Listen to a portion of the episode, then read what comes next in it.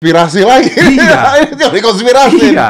Ini iya. teori konspirasi. Memang. Five, four, three, two, one, and close the door. Ini lagi heboh fenomena MKC. Hmm. Gua nggak mau ngomong Muhammad Kece karena kan Hmm. udah udah pindah juga dia. Bener? Dia udah Iya. pindah. Iya dong. Heeh. Jadi MKC. MKC digebukin sama jenderal. Eh, kalau gua sih eh, ngelihatnya gini ya, eh, itu kan eh, yang terlihat kan, Ah, yang terlihat kan gitu, Ah. yang terlihat pengakuan. Kadang-kadang, kadang-kadang kita itu mesti eh, banyak eh, ngelihat sesuatu tuh kadang-kadang yang terlihat itu belum tentu benar. belum tentu yang yang tertampang, terpampang gitu loh kadang-kadang. Ah, Jadi misalnya gini ya, eh, ada flashback cerita cerita tahun 60-an. Ada seorang anak punya bapak pangkatnya satu. Oke. Dalam sebuah perkelahian, akhirnya dia membunuh membunuh seseorang di situ. Oke. Heeh. Karena bapaknya ini pangkatnya satu, akhirnya yang ngaku yang berpangkat tiga atau empat. Supaya apa? Supaya selamat nih semua. Kalau enggak, yang pangkat satu ini kan belum kuat. Jadi terpaksa Oh. yang ngaku itu yang ber- anak yang berpangkat dua misalnya. supaya yang lain selamat. Nah, yang jadi mafia, yang jadi terkenal, jadi preman akhirnya yang ngaku itu. Yang ngaku. Padahal yang bunuh bukan dia. Iya, iya, Ini iya. kisah nyata nih. Iya, iya, iya. Lu mungkin tahu orangnya siapa. ini kisah nyata dan nggak ada dicerita di buku-buku dan orang nggak pengen tahu. Tapi saya yakin kalau Om itu nonton kita, anjir Dani tahu aja gitu. jadi gitu. Jadi menurut gua bisa jadi eh, Pak Napoleon Bonaparte bisa jadi dia melindungi. Ini ini anu gua ya apa? Eh, Terawangan gua Iya, ya, pemikiran lu lah ya. terawangan gue bisa jadi eh, dia melindungi orang-orang yang layak untuk dia lindungi. Jadi, Oh, jadi jadi karena karena gue nggak yakin sebenarnya, gue nggak yakin orang seperti Pak Napoleon Bonaparte, polisi, ya nomor satu polisi, ngerti hukum banget, tahu hukum udah gitu pangkatnya tinggi. jenderal gitu Nah. kan, udah nggak mungkin lah gue rasa melakukan itu. Artinya dia tahu bahwa yang dia lakukan secara hukum salah gitu. kan. Salah, iya. Dan dia nggak mungkin lakukan itu karena kalau dia lakukan itu dia tahu nggak mungkin lah. Gua aja bukan polisi, gua nggak akan berbuat seperti itu kok. Apalagi eh, beliau ini polisi gitu. Jadi kemungkinan ini teori konspirasi lagi. Iya. ini teori konspirasi. Iya. Ini iya. teori konspirasi. Memang, memang. Gua ngelihatnya sih seperti oke, itu. tunggu bentar, bentar, bentar, bentar, bentar, bentar, bentar. Gua Jadi, ngeliatnya jadi, itu. jadi menurut lu nih ya, menurut lu ya. Iya. Jadi Pak Napoleon ini, Ini menurut orang yang pernah di penjara nih. Iya, iya, Ya, iya, Gua iya. kan pernah di penjara. Iya, iya. gitu. Gua tahu situasinya nanti gitu. kita bicara tuh tentang Ah, penjara. ah, ah. Jadi menurut lu, Pak Napoleon ini kan polisi. Ah, ah. Dia mengerti hukum. mengerti banget. Dia tahu bahwa apa pun alasannya salah itu. Ya salah. Ah, ah. Maka harusnya dia tidak bisa, tidak mungkin melakukan itu menurut lu. Ah, ah, iya. Oke. Hmm. Lalu ada sekelompok orang yang melakukan hal tersebut. Iya. Dia dia menjual namanya untuk menyelamatkan orang-orang itu. Iya, menurut gua, terawangan gua ya. Terawangan gua. kan gua juga kan kan gua juga punya banyak orang di sana. Nambah belibet nih Ya, ceritanya. ini. Seb- sebagai mantan, Mantan nar- narapidana, narapidana. ya kan kan ada beberapa teman juga di sana gitu kan. Ah, Gitu. iya, Oke, tapi kalau sekarang kita tanya, sekarang kan kepecah dua nih, Hmm. ya kepecah dua. Yang satu, yang satu mengatakan bahwa ini salah secara hukum, Hmm. ya. Yang satu membawa emosi agama bahwa ya ini wajar karena dia ngatain menista agama gitu. Ya. Jadi kalau saya lihatnya gini, kalau kita bicara hukum, hukum agama maupun hukum positif ya, itu ketika semuanya itu dalam kriteris paribus. Hmm. Sering dengar kan kita ketika Mm, mm, mm. ketika situasinya itu dalam keadaan yang ideal gitu. Oke. Nah, tapi kan kadang-kadang menurut banyak orang kan ini situasinya nggak ideal gitu loh. Ya. Jadi misalnya gini, kenapa sih tiba-tiba ya misalnya kita dari dulu dari dulu nih Indonesia kan kalau ada maling di pasar kan dipukulin. Harusnya ini nggak boleh tuh. Harusnya, Harusnya iya, kan iya, nggak boleh. iya. Harusnya kan nggak boleh. Tapi itu kan keep on doing, keep on and on, on and on terus gitu loh. Iya, benar, Hal itu kan nggak pernah hilang dari masyarakat itu kan. Iya, iya. Ada orang kecolong apa ketahuan nyopet di ma- apa di pasar atau di kampung pasti digebukin. Iya, Udah tahu itu salah kan. iya. Tapi ya itulah masyarakat kita gitu loh. Ya dampak dari apa ya kita mesti menggali lagi kenapa masyarakat kita seperti itu gitu loh. Oke. Ada sesuatu yang tidak dalam kriteria kriterebus parebus tadi itu, tidak dalam situasi yang ideal. Kalau semuanya dalam situasi yang ideal, Tidak terjadi seperti itu. saya rasa nggak akan terjadi. Oke. Jadi kita misalnya bicara gini ya, ada sesuatu yang jadi menjadi lazim, kayak misalnya ada copet maling di pasar di kampung dipukulin jadi lazim jadinya. Harusnya tidak. Harusnya tidak kan? Harusnya tidak. Terus misalnya eh, pelaku sodomi Hmm. itu selalu Digebukin. digebukin Di penjara. selalu. Ada yang ada yang sampai mati terbunuh. Gue gue dengar di penjara itu eh, pelaku kejahatan seksual, pedofilia, sodomi habis digebukin. Habis. misalnya. Itu benar. Bener. Kok- Waktu-waktu gua di Surabaya itu gua pernah eh, satu satu bukan satu kamar waktu itu eh, eh, kamarnya ruangannya 6 kali 10 isinya 120 orang. Ah. jadi jadi semeter tuh buat dua orang. 6 kali 10. Isinya 120 orang. Anjrit. Jadi semeter tuh buat dua orang. Tidur gimana? Ya tidur yang ngumpak-ngumpak gitu. Oke. Hmm, itu di masa waktu gua pertama kali masuk dan eh, eh, Pak Menterinya bilang bahwa gua tidak boleh mendapatkan privilege apa pun. Oke. Jadi, Jadi- biasa aja sebagai Heeh. masyarakat biasa. Ya, Oke. gitu. Jadi gua ada dalam satu ruangan 6 kali 10 isinya 120 orang. Oke. Jadi satu meter buat dua orang, satu Oke. meter persegi. Nah, dalam satu meter persegi itu sebelah gua itu dia dia eh, eh, masuk gara-gara itu tadi eh, gara-gara bunuh pelaku sodomi itu ke Dia- anak kecil, bukan ke orang besar ya. Iya, ya. Aku, eh, makanya makanya kenapa Saipul Jamil masih selamat karena dia bukan pelaku sodomi kan. Ya, karena eh, Dia bukan termasuk- pelaku sodomi. Bukan, ya, ya betul, dia betul. laku apa itu hub itu itu laku hub jadi masih selamat Oke. Jadi itu terjadi. terjadi dia, Ya, dia cerita Gimana dia caranya dia bisa masuk? Dia dia ngebunuh pelaku sodomi. nggak tahu dia dia apa bunuhnya pakai pakai apa itu pakai sikat gigi Lah, nggak, dia ngebunuh ini di penjara. di penjara Berarti dia sudah masuk penjara. Heeh. Terus ketemu orang pelaku sodomi, dibunuh sama dia. iya Tambah lagi hukumannya. iya Oh. nggak tahu kenapa nggak tahu kenapa dia gedek banget gitu. Berarti ada sentimen tersendiri ketika Anda masuk penjara tuh ada level-level kastanya. Iya, jadi kalau kalau yang apa eh, pelaku sodomi itu terutama kepada anak laki-laki kecil ya terutama itu begitu biasanya. Oke, yang paling tinggi kastanya apa? Politik. Maksudnya yang ke- yang yang kena yang yang yang berbahaya gitu. Bukan, maksudnya yang yang paling dihargai. Oh iya, kalau politik kan mereka tahu eh, kalau ini kan memang bukan pelaku kriminal kan. Oke, politik kan. oke. Kayak gua gitu lain cerita, Oke. lain cerita. Yang kita omongin kan mereka-mereka yang yang tadi kita yang kita bingung kan kenapa ini menjadi lazim di di di, di orang-orang ini gitu loh. Iya, iya, iya, iya. Karena emosional yang terjadi di masyarakat dan di di kehidupan manusia yang dilazimkan Iya, dan kan. dan dia nusuknya bukan di leher loh. Biar cepat mati enggak, dia nusuknya di perut supaya mati ya lama kan gila. Oh, Jadi ada unsur torture-nya juga. iya, iya, iya. Mm-mm. Berarti menikmati hal tersebut ya. Iya, kayak misalnya MKC juga dikasih kotoran manusia kan katanya. Ah, ah, ah. Itu juga terjadi sebenarnya di Rutan Cipinang. terjadi di Rutan Cipinang. Ketika Ahok udah sampai masuk di sana. Jadi rupanya Ahok udah udah di udah Rutan Cipinang eh kamarnya udah ada. Hmm. Nah, beberapa teman gua yang di sana yang udah masuk duluan. itu memang memang memang memang Nunggu. memang nungguin, memang nungguin. Oh. Ya mungkin nggak nggak sampai dipukulin kayak Iya, iya, MKC ya. Iya. Tapi eh, kotoran manusia itu udah ada di kamarnya Ahok banyak udah. Oh, Sampai begitu. Heeh. Ini beneran. Beneran ini. Beneran. Oke. Jadi yang yang lempar tuh namanya siapa gue tahu semua. Oke, oke, oke. Jadi Karena- waktu di ruangan ruangan tunggu waktu Ahok masuk itu di ruangan tunggunya Ahok tuh ngeliat keluar. Di luar tuh udah pada nungguin semua. makanya akhirnya dipindahkan. Udah panggil Ahok, Ahok gitu. Makanya dipindahkan. Makanya dipindahin ya.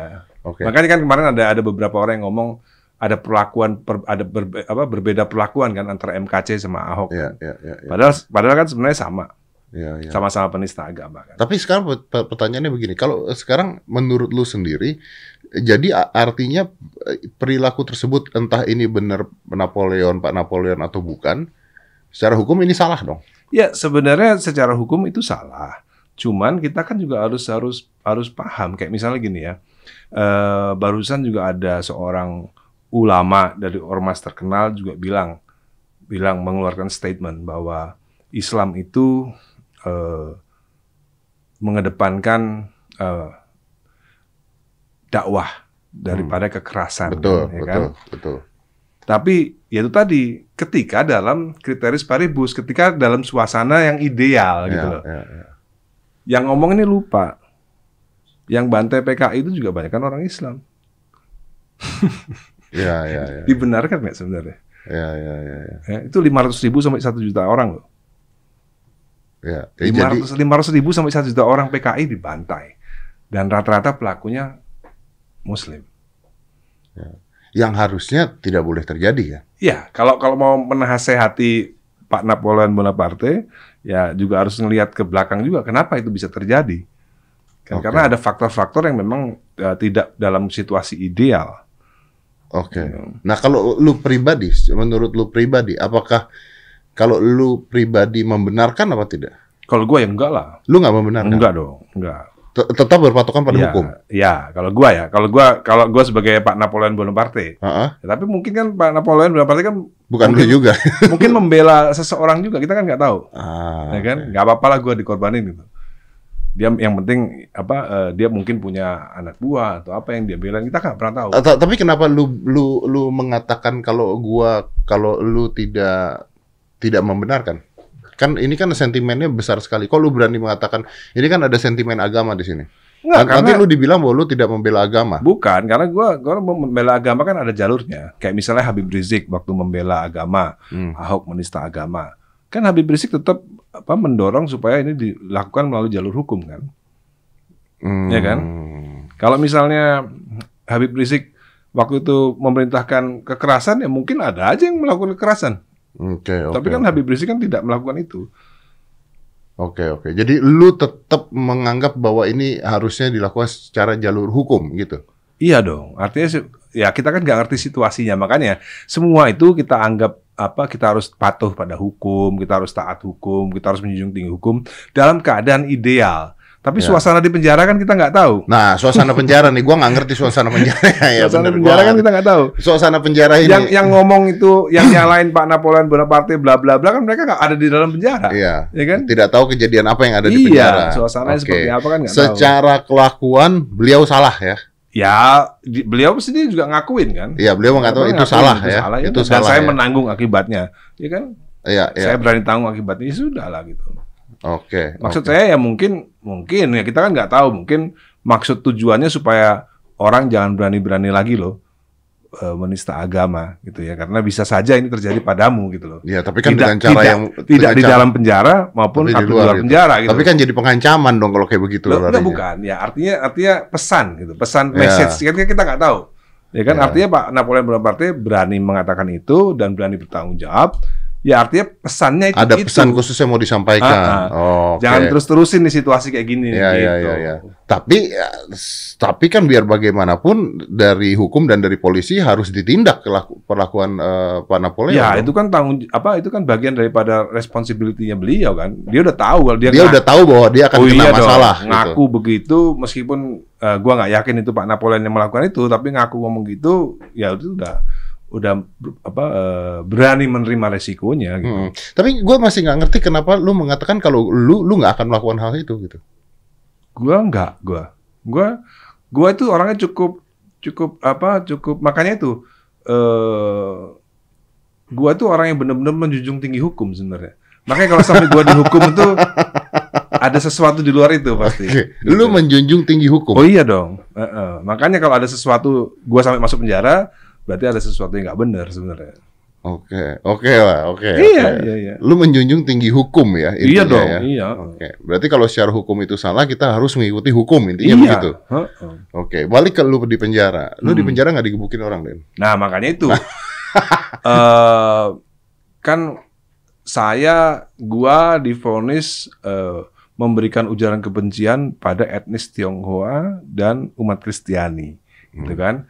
Kalau vonis itu benar, gua mungkin bisa ngalamin hal yang sama dengan MKC. Tapi eh, ternyata eh, gua berhasil membuktikan kepada semuanya, nggak cuma orang yang di dalam penjara gitu ya, bahwa vonisnya hakim itu salah. Karena apa? Karena vonis itu tidak efek, tidak memberikan efek kepada orang-orang di sekitar gua maupun orang yang di penjara misalnya gitu. Ya. Emang di penjara itu banyak eh, Cina-Cina Kristen gitu ada? Ya banyak lah. Banyak. Ada juga Cina yang yang barusan bunuh orang juga ada. Oh, ada juga. Eh, kena 18 tahun ada juga. Dan lu temenan? Temenan, Oh. temenan iya. Dan mereka juga nggak nggak nggak nggak apa ya? Ya mereka nggak tahu nggak bahkan nggak tahu vonisnya apa gitu.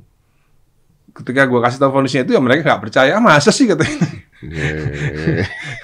Karena Iya. di di dalam penjara juga Cina yang jagoan juga banyak, ya kan? Yang Kristen yang jagoan juga banyak. Kalau misalnya hakim itu eh, benar-benar eh, tajam memberikan vonis kepada gua bahwa gua adalah orang yang memberikan ujaran kebencian kepada etnis Tionghoa dan umat Kristiani. Maka kemungkinan besar lu diambil Oh iya digebukin di dong, dalam sana. Kemungkinan besar gua Oke. di sana bisa digebukin Tapi dan gue tuh masih nggak ngerti gini dan eh, dari cerita lu semua ya kita keluar dari ceritanya Bonaparte dan MKC. Gimana caranya orang bisa gebukin di penjara? Atau misalnya dari ceritanya eh, MKC orang ini masuk ke dalam ruangannya. Sebenarnya gini, kita itu sebenarnya udah sering nonton kali di film-film Hollywood.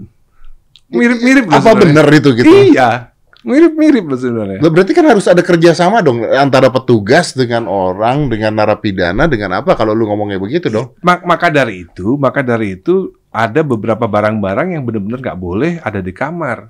Silet, Karena apa? apa segala gitu. Oh, nggak usah sih, buktinya apa sikat gigi, pasta gigi aja bisa jadi Senjata. senjata, gitu. Gelas nggak boleh yang Beling. beling. Ya semua bisa jadi senjata gitu. Ya seperti yang ditonton-tonton di film-film lah kebanyakan. Orang kalau dari penjara itu kan berarti kan kriminal. Kriminal itu otaknya gila, men. Iya. Criminal minds ya. Iya, kadang-kadang penipu masuk penjara. Teman di penjara pun bisa ditipu juga. Bener. Tapi di penjara itu kan ada mekanisme. Biasanya kalau bisa diselesaikan di dalam penjara, misalnya nih, misalnya gua ngebukin orang Hmm. di penjara, biasanya hukumnya nggak sampai ke polisi. Biasanya Diselesaikan di sana. diselesaikan di sana. Paling ada sel tikus. Ah. Jadi sel tikus tuh sel yang satu kali dua, nggak ada tempat beol, nggak ada Ah. tempat pup, lu di situ terus. Ya lu pup di sana, lu pipis di sana, makan di sana selama sebulan misalnya. Jadi ada hukumannya. Sebenarnya ada hukuman di penjara tuh ada hukuman tersendiri. Lu pernah masuk sel tikus? Enggak lah. Oke. Gua kan ini Bye-bye. bye-bye lah. Nah, tapi kalau misalnya begitu, ini gua nggak masih nggak ngerti dan orang digebukin nih. Hmm. Orang digebukin. Kan pada saat digebukin dia ada CCTV, ada apa, ada apa. Kan harusnya penjaga bisa langsung masuk membubarkan kan? Atau Ya. nggak semudah itu? Ya kalau gebuknya tiga menit tapi ada ti- Tiga menit tapi habis gitu ya? iya. Kan ada orang yang bisa dalam tiga menit mukulin 10 kali, 20 kali bisa gitu. Babak belur ya pokoknya Iya. ya. Semuanya cepat. Semenit aja gua rasa bisa melumpuhkan orang. Semenit aja waktu Iya. gue gebukin. Bisa bunuh orang Iya. satu menit juga. Heeh. Oke, Eh, eh, artinya dan kalau misalnya itu kejadian, berarti mereka bisa ada geng-gengan juga di penjara. Iyalah ya, Ada pasti. ya pastilah ya. Ada orang di kalau di rutan Cipinang itu ada eh, kepala suku Surabaya, kepala suku Ambon, ada kepala sukunya sendiri-sendiri. Ada kepala suku NTT gitu, kepala suku Batak. Oke, artinya ketika lu masuk ke dalam penjara atau siapa pun masuk ke dalam penjara, berarti ada tekanan psikologis di dalam sana. Jadi gini, kalau gua gua eh, berhasil merumuskannya ya. Ya, coba coba coba. Misalnya nih orang masuk penjara nih. Gua ya. berhasil merumuskannya. Jadi sebenarnya situasinya itu sama kayak seperti di sekolah SMP SMA. Tapi SMP SMA negeri kali ya, nggak Ya, oke. bisa swasta kalau kayak SMA yang mahal-mahal sih nggak. Iya, iya. Ini kita ya umum ya SMA negeri, SMA SMP negeri, SMA negeri. Kalau lu di SMP negeri itu banyak Selamat. banyak temennya, Mm-mm. temen lu banyak di penjara, Kebayang. kayak gitu. If your favorite, then you become favorite there Iya. gitu ya. Kalau lu jagoan di SMA, Jagoan lu di sana. jagoan. Iya. Kalau lu yang dibully di SMA, Lu dibully ya lu di- dibully di iya. sana. Oh. itu itu kesim, hasil kesimpulan gua setelah 11 bulan di sana gitu. Oh, oke. Memang ya, ya sama situasinya sama. Oke, oke, oke. Hmm. Berarti terjadi pemalakan juga bisa. Bisa Iya ya, Hmm. terjadi pemalakan bisa, tiba-tiba kesenggol ribut bisa Iya. gitu. Jadi intinya g- gimana cara PR lu di dalam penjara? Iya, gimana skill lu waktu SMP SMA tuh di penjara tuh Kepake. kepake. Ah, Kecuali buat orang yang punya duit ya, orang yang punya duit banyak ya dia dia bisa bisa bisa menggunakan duitnya untuk untuk hal-hal ya, yang it's the same thing ketika lu SMA, kalau lu anak orang kaya banyak Iya. duitnya, lu jajanin orang-orang, terus Iya. orang-orang jadi temenan sama lu gitu kan Iya. intinya kan? Mm-mm. Oh. sama. Eh, sebenarnya. a- Artinya ketika seseorang ada di penjara, maka mereka punya rasa ketakutan dong ya, pasti. ya. Ya kalau waktu waktu dia di SMA itu minder gitu, itu ya sengsara di penjara. Lu gimana? Hah? Lu gimana? Gue ya gue sama kayak di kayak di SMA gua gitu. Apalagi waktu Surabaya gitu ya. Di Eh. Surabaya itu Surabaya itu eh, penjaranya nggak kayak Rutan Cipinang. Kalau Rutan Cipinang kan masih banyak istilahnya masih banyak pengusaha, ya Ah, kan? ah. Ada ada pejabat gitu kan. Kalau di Rutan kalau di Surabaya itu eh, 80% itu kelas bawah. Ah. 80% Madura lagi. 80% Madura. Berarti lu harus beradaptasi ya, beradaptasi dengan Sebenarnya lingkungan. kalau di Surabaya gue nggak ada. nggak terlalu beradaptasi karena gue di Surabaya kan mainnya juga sama Madura juga, ya kan. Jadi ya ya gue banyak anak buah lah kalau di Surabaya. Oke, oke, oke. Lu kita bisa nggak ngejudge misalnya ada ada ada narapidana di situ ya. Lu lu dari ketemu dia, lu ngobrol dari lihat mukanya, ke, kejudge itu. Ini kira-kira penjahat ini, ini kira-kira curanmor, ini kira-kira Belum tentu juga loh, belum tentu ya. belum tentu juga. Ada yang tampangnya culun gitu, gendut gitu. Gue tanya lu ngapain? Bacok orang. Tampang lu nggak cocok bacok orang gitu. Tapi bacok orang. Tapi baca koran. Iya. Menarik lah. Wh- Which is actually is kind of wrong ketika menurut gua eh, semua orang itu dimasukkan ke penjara yang sama, bener nggak sih? Ya sebenarnya kan penjara itu kan sekarang kan kebanyakan kan eh, over capacity ya, Iya. kebanyakan. Jadi ya kebanyakan lagi lima, hampir 50% itu nar- drugs, narkoba, hampir 50% itu narkoba. Jadi ya banyak lebih banyak chaosnya gitu loh sebenarnya. Tapi ya nggak tahu kenapa kasus eh, Pak Napoleon. Napoleon Bonaparte ini kok sampai mencuat ya. Ya mungkin karena ada faktor politik juga. Ya gua rasa iya, kalau Iya. nggak mungkin juga untuk Mm-mm. keluar dan sebagainya. kan. Iya, karena biasanya what happened in the prison Stay stays in the prisons. biasanya. Biasanya seperti itu. Biasanya seperti itu. Gua aja ini eh, di penjara itu ditakuti sama sipir-sipir dan sampai kepala rutannya gue ditakutin. Karena Ya, karena gue bisa speak up kapan aja kan kalau gue keluar. Apa yang terjadi di penjara? Lu bisa bayangin nggak kalau gue buka-bukaan? Oh iya iya iya iya iya. iya. Iya iya iya. iya, Jadi gue iya, punya bargaining. Lu punya oh iya iya iya, betul. Lu punya privilege tersebut. Iya. Karena lu punya media. Iya. Dia tahu begitu lu Oh, keluar bahaya oh, ini. Bahaya nih orang. Jadi gua mesti mereka mesti baik-baik sama gua. Oh, Gitu. iya bener juga ya. artinya artinya nih semua yang lu ceritain ini pun belum 100% lu ceritain. Oh, belum, belum lah. Kalau 100% geger Wah, dong. Geger, geger. Artinya sebenarnya itu tadi what happened in the prison stays in prison. Stay in prison. Harusnya. Oke. Harusnya seperti itu. Jadi Iya. kasus Napoleon sama MKK ini harusnya stay in prison gitu ya. in prison. Tapi kenapa bisa keluar? Maybe there's a politic wise, Iya, that's why pasti. kita nggak tahu. Tapi dan kalau gue pertanyaannya gini, kalau misalnya lu udah pernah masuk penjara berapa lama sih waktu itu? 11 bulan. 11 bulan. Shit, it's a year ya man. Lu seminggu aja berat. loh. Seminggu aja berarti. Berat lah. Oke, gua mau gua lu lu ceritain gue. Maksudnya p- eh, ketika seminggu kan berat nih, pasti Iya. namanya orang masuk penjara nggak mungkin lah bahagia gitu ya. Iya. Lu masuk penjara seminggu berat, sebulan. Ada nggak momen ketika lu bisa nerima udah biasa gitu? Di bulan-bulan keberapa? Atau is always berat sampai bulan ke-11? Yang berat itu kan ketika gue dipindah ke Surabaya karena ada kasus Surabaya. Kan artinya gue jauh dari keluarga kan. Ya Ah. buat orang seperti gue kan yang membuat gue happy kan family. kan, Family, ya kan? oke. Ketika gue di Surabaya kan jauh dari keluarga. Begitu udah sampai begitu udah balik lagi bulan Juni tanggal 14 2019 gue sampai Cipinang lagi, udah agak enakan tuh. Karena keluarga bisa datang kan setiap minggu gitu. Ah, ah. Ya itu aja sih. Oke, A- ada nggak di momen-momen yang lu udah terbiasa tuh ada nggak? Ada. Ada. Ada momen sampai Mulan curiga kayaknya suami gua keenakan di penjara nih kayaknya gitu. Ada momen itu. Ada momen itu. Which is actually true. Ya sebenarnya gua tuh gua itu nggak mau nggak mau gua tuh mau gua itu menerima ikhlas aja di mana pun berada. Oke, gitu. oke, oke, oke. Cuman cuman eh, istri gua ngelihatnya kok beda. Ini kayaknya kalau seneng, kok kayaknya seneng gitu. jangan-jangan. Oke, Gitu. tapi ada nggak momen bahagia di penjara sih Dan? Ya sebenarnya nggak ada bro, nggak ada ya. Kita cuma mencoba untuk tidak susah aja. Kalau kalau di kalau di Cipinang, rutan Cipinang enaknya kan kita ketemu sama teman-teman yang ada pengusaha, ada politisi juga, ada pejabat juga gitu kan. Jadi ngobrol bisa Setiap nyambung malam, enak. setiap malam belajar gitu. Oke.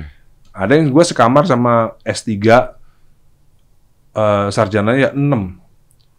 S3 migas UGM. Jadi kadang-kadang gue setiap malam belajar sama orang-orang mereka itu. Belajar yang banyak gak ada di buku gitu. Berarti banyak orang-orang pintar juga masuk penjara. Sebenarnya banyak orang yang terkriminalisasi. Ah, oke. Ini yang yang gua per- yang gua mau mau bawa nanti suatu saat ada waktu untuk jadi yang gua lihat itu sebenarnya banyak yang eh, terkriminalisasi. Hampir 50% tuh yang masuk penjara itu terkriminalisasi. Artinya ada abuse of power lah. Ya, ya, ya, ya. Ya, in every politic wise is always like that lah. Enggak enggak cuman enggak cuman maksudnya bukan bukan cuman politik aja loh. Artinya bisnis, iya dong. Ini persaingan bisnis gitu. persaingan bisnis orang yang nggak salah jadi salah.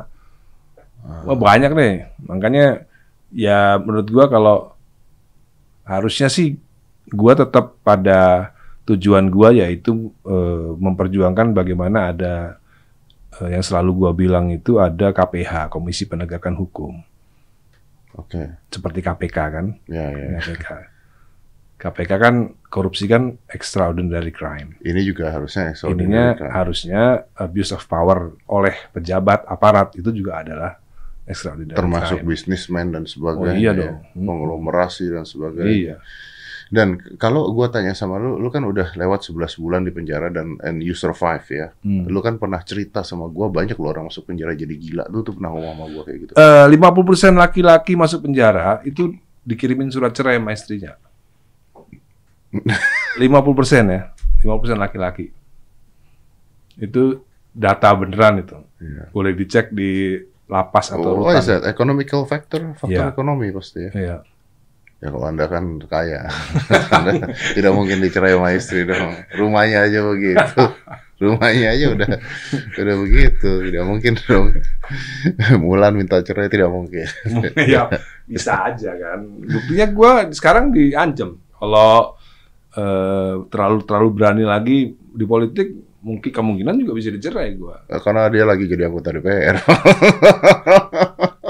Eh, Tapi gila ya Mulan bisa jadi anggota DPR loh. Iya. Anjir, you never think about that man. Gue tuh nggak Iya. pernah berpikir Mulan jadi anggota DPR. Ya dia sendiri juga nggak pernah kok. Kan dipaksa sama Fadlizon waktu itu. Dia waktu itu males-malesan, udah telat sebenarnya ininya pendaftarannya. Fadlizon yang maksa. Ya, tapi it's good lah, it's journey of life lah. eh tadi tuh yang ngomong nanya gini, kalau lu sekarang lu you, you survive dari penjara, lu udah keluar 11 bulan lu di penjara. Dan sekarang lu balik lagi, tidak ada yang berubah dari seorang Dani dari pertama kali gua kenal Dani sampai sekarang tidak ada yang berubah. Pertanyaan gua, dari pengalaman lu pernah di penjara, apakah takut dan kalau masuk penjara lagi? Iya ta- takut dicerai aja. Dan no, no, no. Bangsat. Iya kalau gua maksud penjara lagi nomor satu takut dicerai. Nomor, Lu, satu- tunggu, tunggu. nomor duanya takut nyokap gua stroke nanti. Oke, oke, oke. Gitu. Oke, tunggu, tunggu, tunggu, tunggu. Segini ya, satu takut dicerai. Nomor Dari- dua, nomor dua takut nyokap gua stroke. Orang tua sakit. Iya. Oke, satu takut dicerai. Dari apa yang saya kenal dari Anda, Eh. Anda kayaknya tidak pernah takut dicerai. jadi, jadi jangan jadikan itu alasan. Ya, ya, alasan lah bisa lah. Eh, bisa lah ya. Iya. Bisa. Tapi apakah secara mental takut nggak kalau masuk penjara lagi? Atau orang yang udah pernah masuk penjara ketika masuk lagi, ah oke, gua Ya gini tahu. ya. Seandainya gua Amit-amit ya, ini kita bicara amit-amit ya, jangan sampai ya. ya seandainya gua masih muda gitu ya. Terus mungkin Ah. mungkin eh, mungkin gua yatim piatu misal gitu ya. Atau nggak punya istri ya. Ya gua mungkin bisa bisa segila di Ponegoro. Di Ponegoro punya istri juga sih, punya anak. Enggak, gue ngerti, gue paham, paham, gue paham maksud tuh, gue paham maksud. Itu sama kayak kemarin ketika gue sakit, ketika gue sakit terus gue masuk ke kritis, yang gue pikirin bukan Kalau mati ya nggak ada masalah mati. Tapi ini orang-orang yang gue tinggalin, anak apa segala gitu kan intinya. Iya loh. Kalau anak gue sih cowok ya.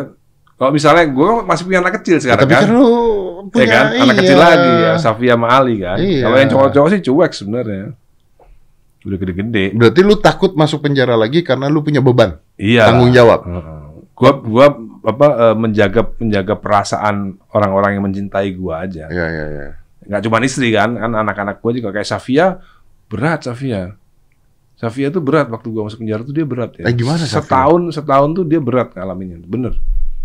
Setahun dia dia agak traumatik sebenarnya Safia itu. Gimana nerangin ke Safia ya? Safia umur berapa ya? Waktu itu dia umur 8 tahun. Dia Waktu- su- 8 tahun tuh sudah bisa tahu loh masuk penjara. Dia tahu dari temennya. Oh shit man, serius. Iya, kan dia sekolah di high school kan. Alasannya apa pada saat Ya itu? temennya tanya, Nggak, your, your bukan- dad is going to jail. Dia nggak tahu lu ke penjara dong. nggak tahu, nggak ada yang cerita. Dia mikirnya lu ke mana?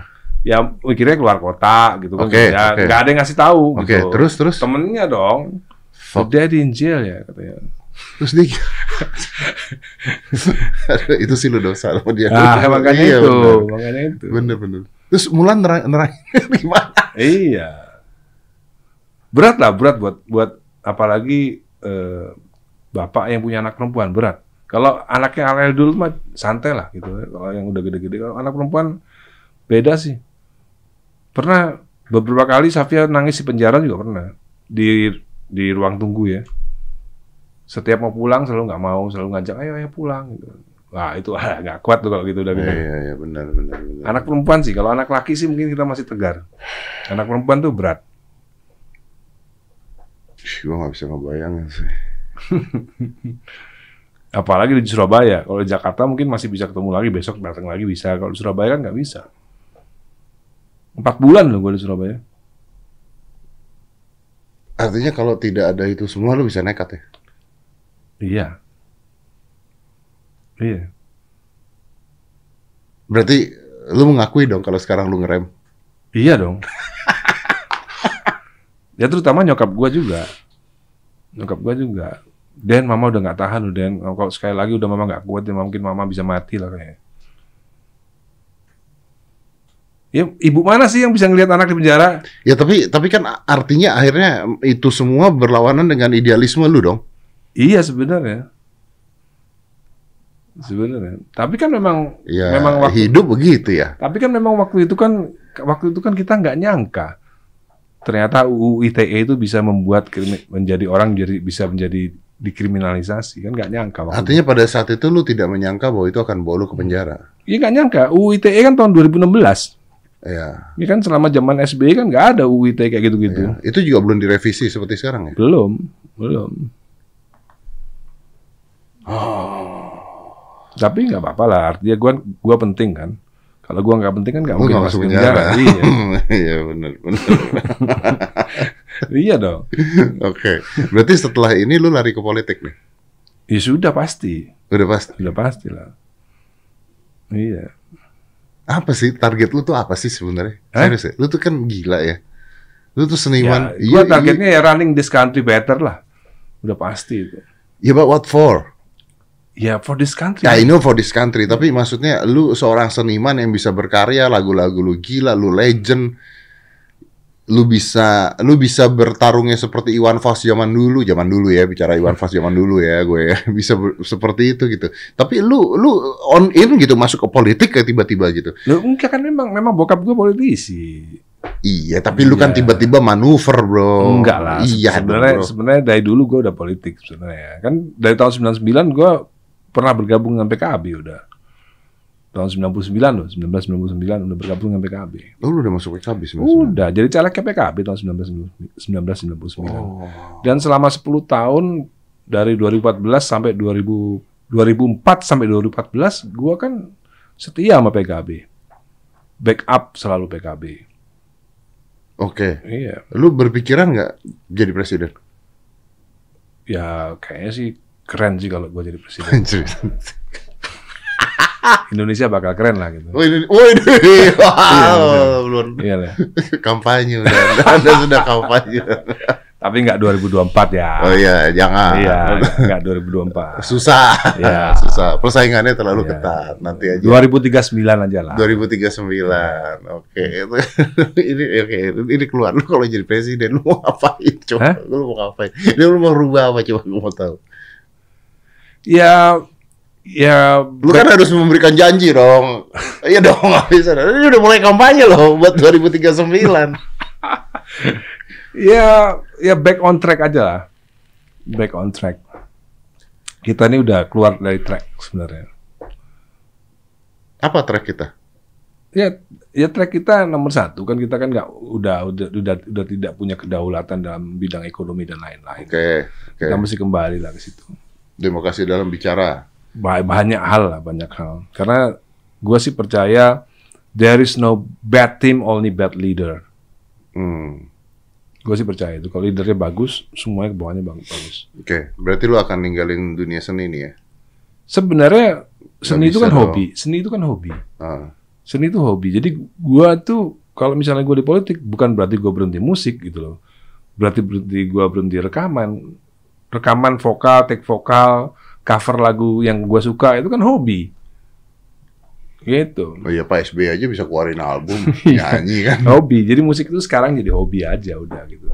Nah sekarang kalau lu kayak begini sekarang, lu Hmm. nyari duitnya dari mana coba? Lu kok bisa kaya? Hah? Lu kok bisa kaya? Kemarin gua di rumah dia, ya kan? Rumah- Se- kelihatannya aja. Hah? Kelihatannya aja kaya. Kalau anda bisa kaya, anda nyari duitnya dari mana? Anda, anda musik udah enggak, udah iseng-iseng doang, udah hobi, politik belum terjun gitu kan? Ya sebenarnya kalau kalau kehidupan cukup sih sebagai orang yang punya 100 hits sih sebenarnya udah punya passive income sih. Oh iya sebenarnya. sih, ya. Iya, iya, Apalagi iya. kalau sebentar lagi kita kan lagi berjuang untuk memperbaiki penarikan royalti.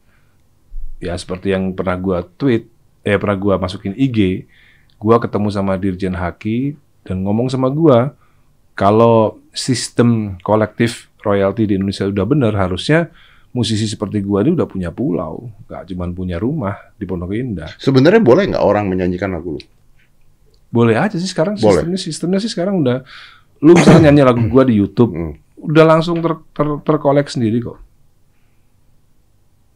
Oke, oke. Kalau misalnya orang nyanyiin lagu lu di kafe, penyanyi-penyanyi kafe nyanyiin di kafe, Itu udah ada sebentar lagi sudah ada sistemnya. Jadi kalau kafenya bayarnya biasanya pro rata per tahun berapa ke lembaga LMKN gitu kan. Nah, nanti lembaga LM LMKN bagi ke kita gitu. Sekarang sih ada ya, cuman menurut gua nggak gede menurut gua. oke. Kalau orang nyanyi di Instagram gitu, Ada- Sekarang sekarang katanya ada Instagram ada- kan nggak, nggak. Tapi boleh nggak sebenarnya gitu? kan Lu mengizinkan nggak? kan sebenarnya gua itu kan tergabung dalam sebuah publisher. Heeh. Jadi orang bebas-bebas aja. Nanti publisher yang nagih. Nggak, gue gue penasaran, gue bingung. Misalnya gue tiba-tiba di Instagram gue nyanyiin lagu lu, Hmm. bukan muter lagu lo, Heeh. bukan muter, gue nyanyiin lagu lu. Nggak apa-apa. Kena nggak gue? Kena Nggak- royalty nggak? nggak kena kayaknya. Kayaknya sih yang dari hukum yang gua tahu kayaknya sih nggak kena. Kalaupun kena, gue bingung kenain di mana gitu loh. Karena kan nggak menghasilkan uang buat lu. Kecuali di YouTube kan. Ya, heeh. Sesuatu yang bisa dimonetize gitu betul kan. betul. Berarti kalau di Instagram nggak nggak ada masalah kan? Ke- iya nggak ada masalah. Kecuali ada monetize-nya. Kalau nggak ada monetize nggak ada masalah. Oke sebenarnya. oke. Berarti kalau misalnya ini dapat pakai lagu lu ya lu dapat intinya gitu kan Mm-mm. intinya kan. Mm-mm, jadi ya itu tadi eh, lagu-lagu gua tuh udah udah kayak deposito aja gitu. Diam-diam dia eh, menghasilkan sendiri gitu loh. Berarti lu sekarang hidup dari 100 hits tersebut. Iya, Gede dong berarti. kurang sih menurut gua. Maksudnya dengan sistem yang sekarang ini menurut gua eh, belum maksimal lah. Dan kalau lu lu mengatakan lu kurang gimana penyanyi-penyanyi yang hitsnya cuma satu dan Ya, enggak terus terang sih sebenarnya untuk untuk eh, gua kan juga banyak terlibat dalam dalam kolektif ini ya. Ketika gua lihat potensinya itu gede. Jadi misalnya TV nih ya. TV itu bayar 2% daripada revenue. buat lagu yang dipakai. Eh, setahun dia harus bayar ke lembaga lembaga royalti itu Ah, itu dua tahun, eh setahun tuh dua persen. dua persen dari revenue, gede itu. Dan dua persen ini dibagi-bagi lagi kan Iya. untuk lagu-lagu. Dua persen tuh 400 miliaran Iya. Uh, satu wow. satu TV. Berarti TV dapetnya berapa? Iya, empat T-an. Eh dua T, eh iya, Iya iya. dua T. Nah kalau kalau penyanyi nyanyi di TV dengan lagu berarti hitungannya masukannya ke sana gitu. Enggak, TV-nya yang bayar ke. Ya TV-nya yang bayar termasuk dua persen tersebut. Iya. Heeh. Oke, nah lagunya kan nggak tahu lagunya siapa aja yang dipakai. Nah itu yang sistem itu yang belum ada. Pendistribusian ke pengarang lagunya itu yang belum. Yang se- sekarang kita lagi perjuangkan itu. Berarti bisa aja dong lagunya dipakai tapi nggak dapet. Bisa, Bisa dong. bisa, bisa. Itu kan yang sekarang lagi rame kan sebenarnya itu sekarang. Oke. Karena masa pandemi ini, gue yakin sekali, ya kecuali lu lah ya, banyak seniman-seniman kafe dan sebagainya mati semua. Iya benar itu. Nggak usah, nggak usah. Gua kan ada punya tiga, maksudnya gua kan uh, punya holding company Masterpiece Karaoke itu. Ah, Itu ada 30 lebih tuh tutup semua sekarang. Bener-bener mati income-nya gitu. Semenjak PPKM itu. Gitu. pegawai. Jadi tolong pemerintah gitu kan. Kita kita udah mati nih, udah nggak Karaoke belum boleh buka. Gak ada, mati. Bioskop udah boleh. Gak ada pokoknya karaoke masterpiece ya yang gua tahu nih barusan meeting itu ya semua udah nggak ada penghasilan. Orang pegawainya juga udah dikeluarin semua. Dari di ho- holding company-nya sendiri udah nggak ada penghasilan. Iya sih. Tapi Hollywood buka ya. ya nggak tahu. Bener. Bener. Ini ini salah satu eh, eh, bentuk eh, pengakuan lah gitu. Pengakuan Ahmad Dhani ini. Sekarang kondisi ekonomi eh, kita nih masterpiece nih ya masterpiece karaoke ini sekarang lagi mati gitu jadi kita berharap pemerintah bisa bisa memahami gitu ini kita lagi mati nih sekarang nih Iya. Bukan bangkrut lah ya. Bukan bukan bangkrut mati Iya berarti ya lama-lama ya bangkrut lama-lama bangkrut ya benar. lama-lama bangkrut ya tapi sama aja kayak gue punya gym juga begitu bro. Iya. Gue udah ribut di mana-mana. Gue bilang ini gym buat orang olahraga. Kayaknya mau sehat nggak boleh gimana sih? Iya. Nanti gelombang tiga. Oh gila ya bener ya. Iya. But I think this pandemi ngerubah semuanya sih. Iya. Dan dimainkan oleh eh, ya banyak industri-industri yang banyak. Padahal kalau kalau kalau lu masih inget, gua kan masih nanggung janda-janda yang ditabrak sama dul dulu suaminya. Itu masih ya? Masih. Dan itu biasanya gua ambilnya dari masterpiece. Oh. Tapi kan janda-janda itu kan nggak mau peduli. Harus tetap ada kan Iyalah, iya. ya kan? Berarti lu tetap ngasih. Harus ngasih ada atau nggak ada. Ya kan? Tertulis secara hukum? Nggak ada sih itu. Berarti ya kebaikan lu dong berarti. Iya moral aja gitu. Karena Moral kan dong. pernah janji kan. Iya, iya, iya. Oh, tahun sampai sekarang? tahun 2013 dari tahun 2013 loh. Sampai kapan?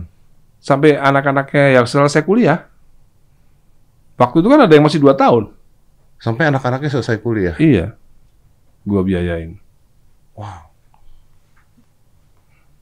Dan gua sendiri loh yang nanggung Lu yang nanggung itu? iya selama dari 23 2013 sampai sekarang Dulu kan bisa nyari duit. ya sekarang satu janda di- ditanggung Dia tanggung. Heeh. Ah. jadi gua tinggal empat sekarang Berarti lu nanggung janda juga ya? iya Itu eh nggak- lima ada enam janda kan ada enam janda dulu nanggung satu gua tinggal lima janda gitu Wih, itu nggak banyak yang tahu, bro. Hah? Gue pikir udah beres masalahnya. Enggak. Sampai sekarang masih. Bulan ini agak telat nih. Udah telat 20 berapa hari nih? Harusnya tanggal 5. Kenapa Anda mengingatkan? ya enggak, gue cuma ngingetin aja sama pemerintah nih. oh iya. Ngerti iya. nggak lo?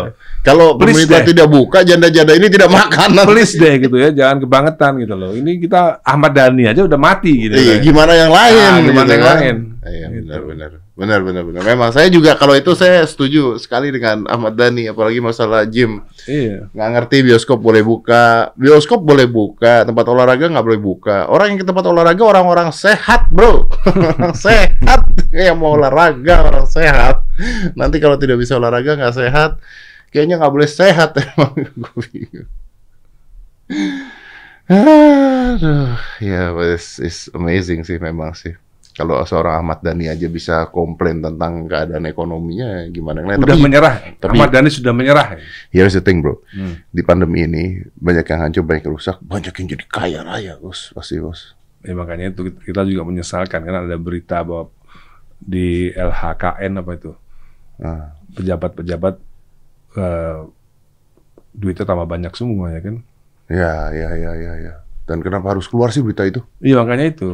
Enggak kenapa kenapa kenapa duitnya kok tambah banyak gitu loh, ya kan? Ya kan bisa bisnis apa? Nah, kan bisa dikasih gua misalnya kan Ah. bisnis apa kayak bikin masterpiece lagi kayak kan itu. kan tutup, tutup. Apalagi farmasi industri. Waduh, buset deh luar Iya. biasa. Obat-obatan harganya kemarin, mafia-mafia obat. Wah. Kalau udah ngomongin gituan nggak ada habisnya. udah. Iya. Udah lah, capek lah. Oke, so so basically gua gua ngambil kesimpulan bahwa eh, lu tuh orang yang eh, orang yang apa ya maksudnya ya lu lu berbicara tadi sebagai seorang muslim tapi lu menjunjung tinggi hukum Iya, maksud gua gini, em, memang kita ini tidak dalam situasi yang yang seperti gue bilang tadi kriteris paribus, Hmm. tidak dalam situasi yang ideal.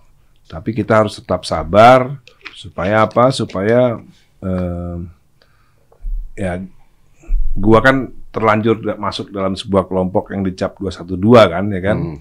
Ya, anda radikal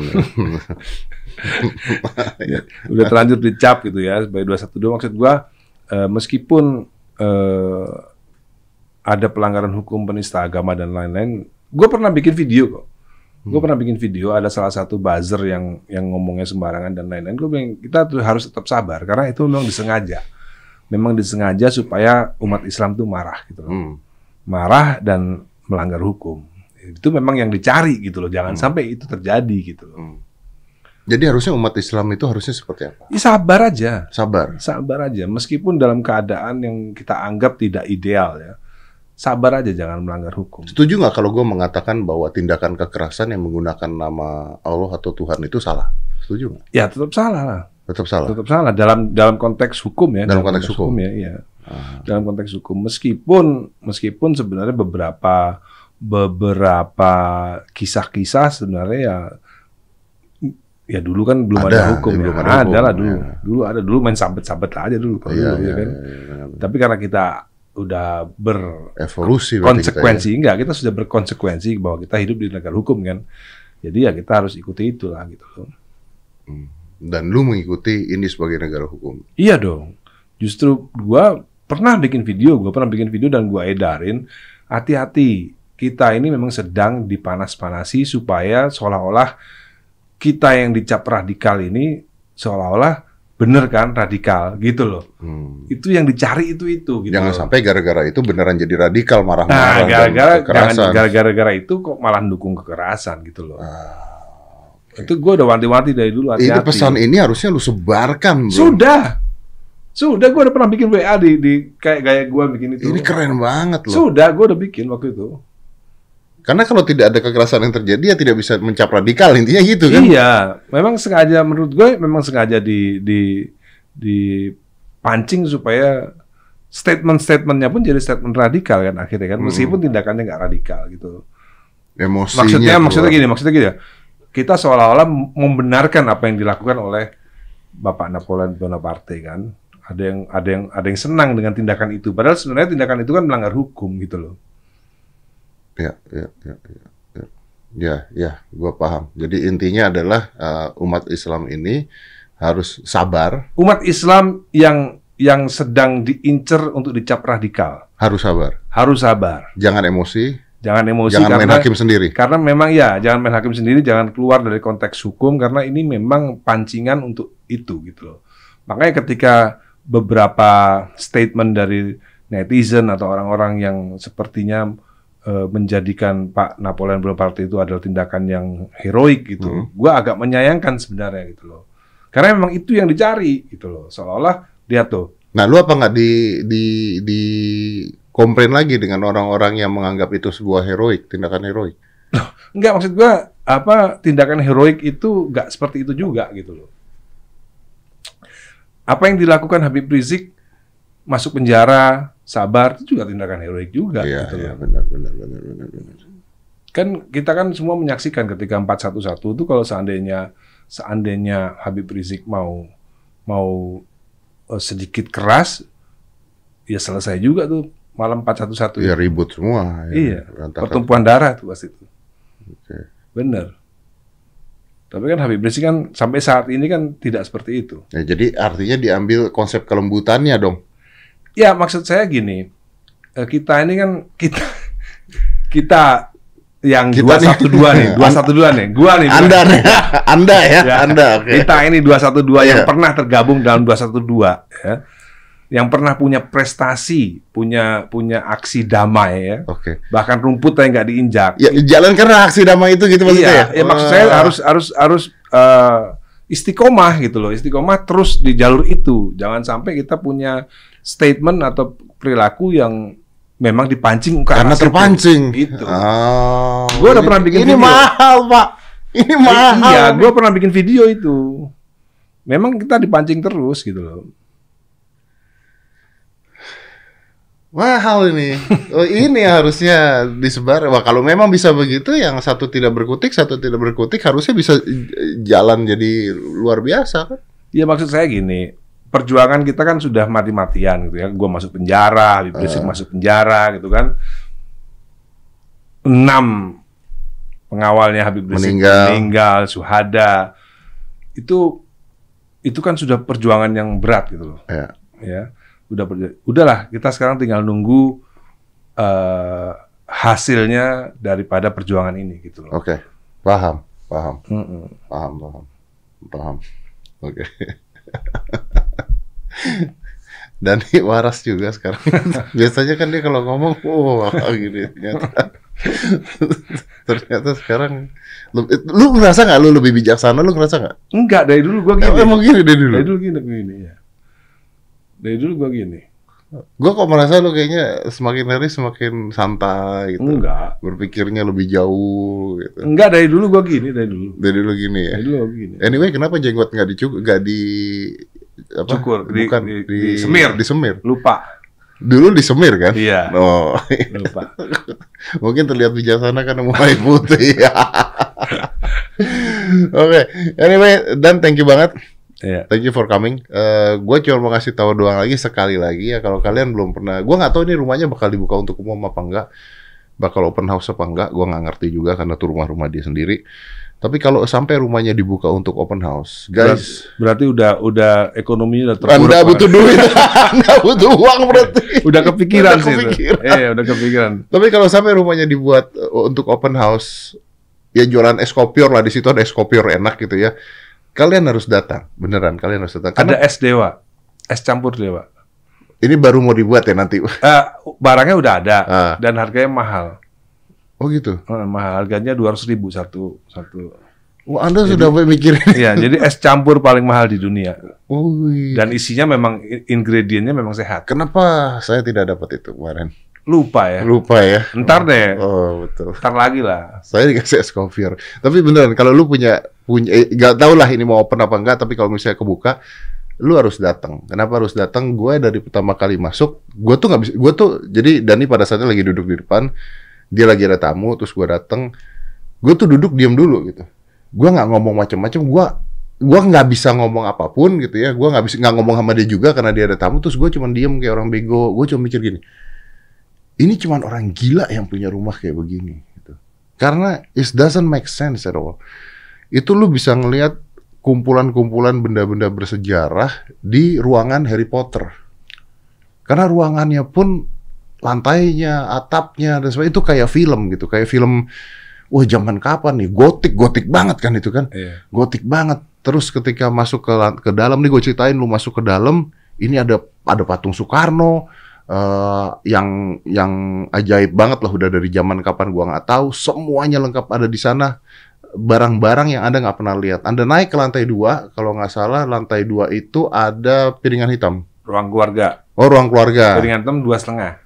Piringan hitam tuh lantai dua setengah, lantai dua setengah ada piringan hitam yang jumlahnya ribuan dari zamannya Benyamin eh sampai kemarin siapa? Eh, Ada itu Faris- Sugiharto, Ada Faris RM. ada Faris RM, semuanya lengkap. Lu naik lagi ke atas lagi ada ruangan kaset, Sama dan itu- studio.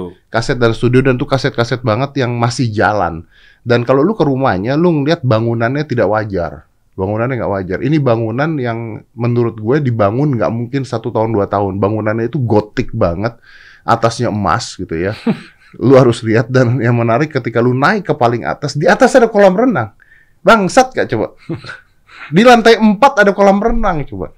Gue lagi nanya, ini nggak rembes air ke bawah dan ternyata nahan ya. Iya. Ya kan memang di konsepnya begitu bangunnya saat bangun. Gila lu beneran.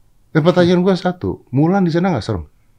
Serem kalau nggak ada gua kayak misalnya gua di sini. Serem kan? Kalau misalnya gua pergi nih, Ah. Mulan ke rumahnya sendiri yang di depan studio gua itu. Oh gitu. Mm-mm. Karena serem sih bos. Ya selama gua di penjara, Mulan juga nggak tinggal di situ. Dan menurut pembantu gua, Ah, selama gua nggak ada di sana, itu memang tambah serem rumah itu. iyalah. Dan begitu gua datang, langsung langsung, Langsung. beda. Oh, Aneh. Berarti ada pawang, Heeh. ada pawang.